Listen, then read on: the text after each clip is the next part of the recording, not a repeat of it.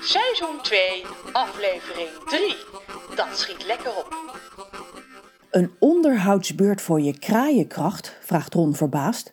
Waar kun je die krijgen? Kraai lijkt hem niet te horen. Hij ijsbeert mompelend over de keukentafel. Wat een gedoe, krast hij zacht. Wat een gezeur. Moet ik helemaal naar Zweventer en ik heb het al zo druk. Zweventer? Waar ligt dat nou weer? Ron is slecht in topo. Ergens in het noorden, antwoordt zijn moeder. Zij is ook slecht in topo. Zweventer ligt in het oosten, zegt Reus. Precies, zegt Kraai. Ik moet naar het oosten, naar Henk, of naar de heilige Kaka, zoals hij tegenwoordig heet. Haha, lacht Ron, wat een rare naam. Als ik die man was, zou ik toch voor Henk kiezen. Henk is een kraai en omdat hij zichzelf zo bijzonder vindt, heet hij dus de heilige Kaka.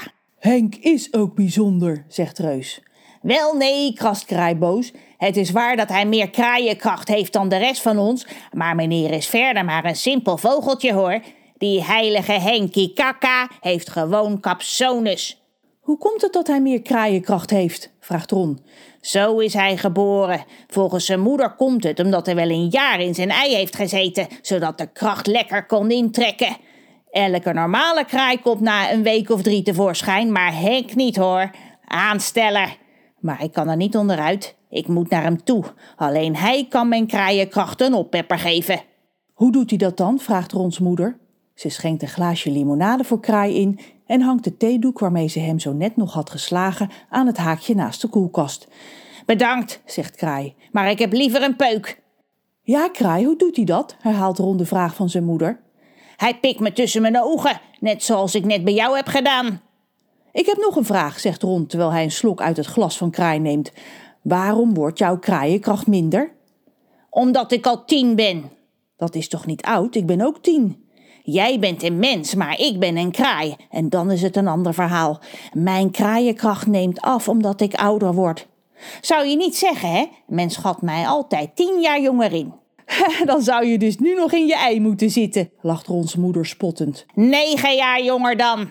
Kraai loert naar de theedoek. Hij heeft zin om nu haar daarmee een mep te geven.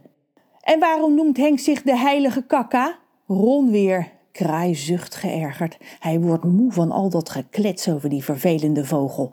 Omdat hij met die naam geld verdient. Heb je nog meer vragen? Ja, hoe verdient hij...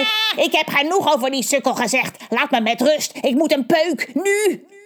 Nou, nou, zegt Ron geschrokken. Ga niet zo tekeer tegen mijn zoon, roept zijn moeder boos. Ik begrijp best dat Ron vragen heeft, komt Reus tussen beiden. Dus stel ze maar aan mij, jongen. Ik weet namelijk alles over de heilige kakka. Uh, bedankt, Reus.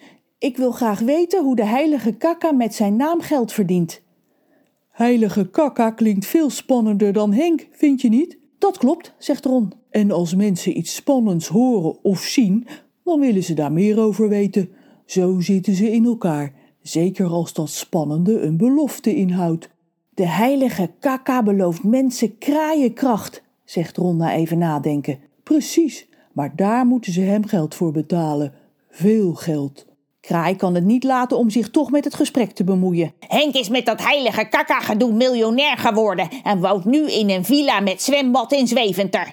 Dat is wel wat anders dan een kale boom in het Salpeterpark in Glamsterdam. De oplichter. Maar als hij mensen echt kraaienkracht geeft, dan is hij toch geen oplichter? vraagt Ron.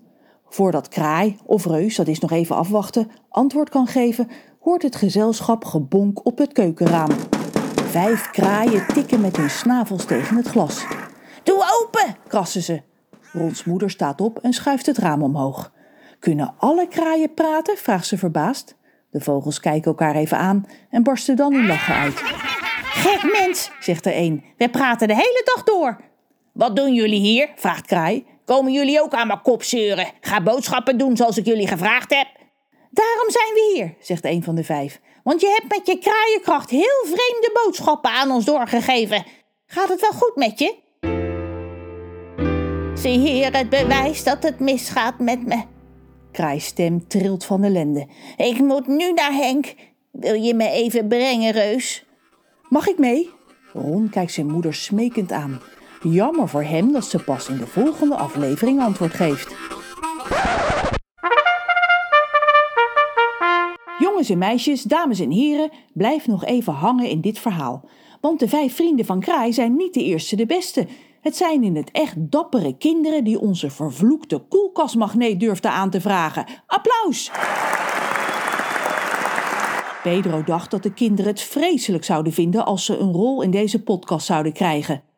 En dat dacht ik ja, want ik vind deze podcast stom. Dus hij maakte daar een vloek van en toverde die aan de koelkastmagneet. Maar volgens mij valt het allemaal wel mee. Wij presenteren met trots Tom, Finn, Ian, Vince en Vela, die voor eventjes zijn veranderd in vijf slimme kraaien. Laten we naar ze luisteren, want over die vreemde boodschappen van kraai zijn ze nog niet uitgepraat. Tom, laten we bij jou beginnen. Welke boodschap had kraai aan jou doorgegeven? Hij wou een gele panty. Als ik even mag reageren, het was: ik zie een schele kraai, wie kent die? En Finn, wat hoorde jij? Hij ging met een meermin trouwen. Met mij? Oh! Heb ik nog tijd om een bruidsbadpak te passen? Trudy, ik ga niet met je trouwen. Het idee alleen al. Dan niet. Ik ben trouwens al verloofd met Reus, dus haal je maar niks in je hoofd. Ik dacht niet, ik ga met een meermin trouwen, maar ik heb zin om mijn nest te verbouwen. Ja, ja. Eh, Ian steekt zijn vleugel op. Ga je gang. En die scheet op een broodje dan? Daar weet ik niks van, man. En Vince, jij hoorde iets waarvan je begon te juichen, hè? Ja, want ik hoorde, wie wil er 100 euro? Dat dacht ik niet, ik ben niet gek of zo. Vela, jij hebt wel iets heel vreemds gehoord, hè? Ja, hij wilde dat ik de paashaas ging scheren. Ah, het was ik wil naast kaas een kilo peren. Wat een misverstanden. Het is maar goed dat Kraai naar de heilige Kaka gaat om kraaienkracht bij te tanken. Tot de volgende keer. En als je nu ook een vervloekte koelkastmagneet wil, je kunt hem nog steeds gratis aanvragen op ronwillentattoo.com. Ik ga dan wel een andere vloek verzinnen, want deze was blijkbaar leuk. En mijn vloeken moeten vreselijk zijn. Ron Willem Tattoo is geschreven en geproduceerd door Margot de Graaf.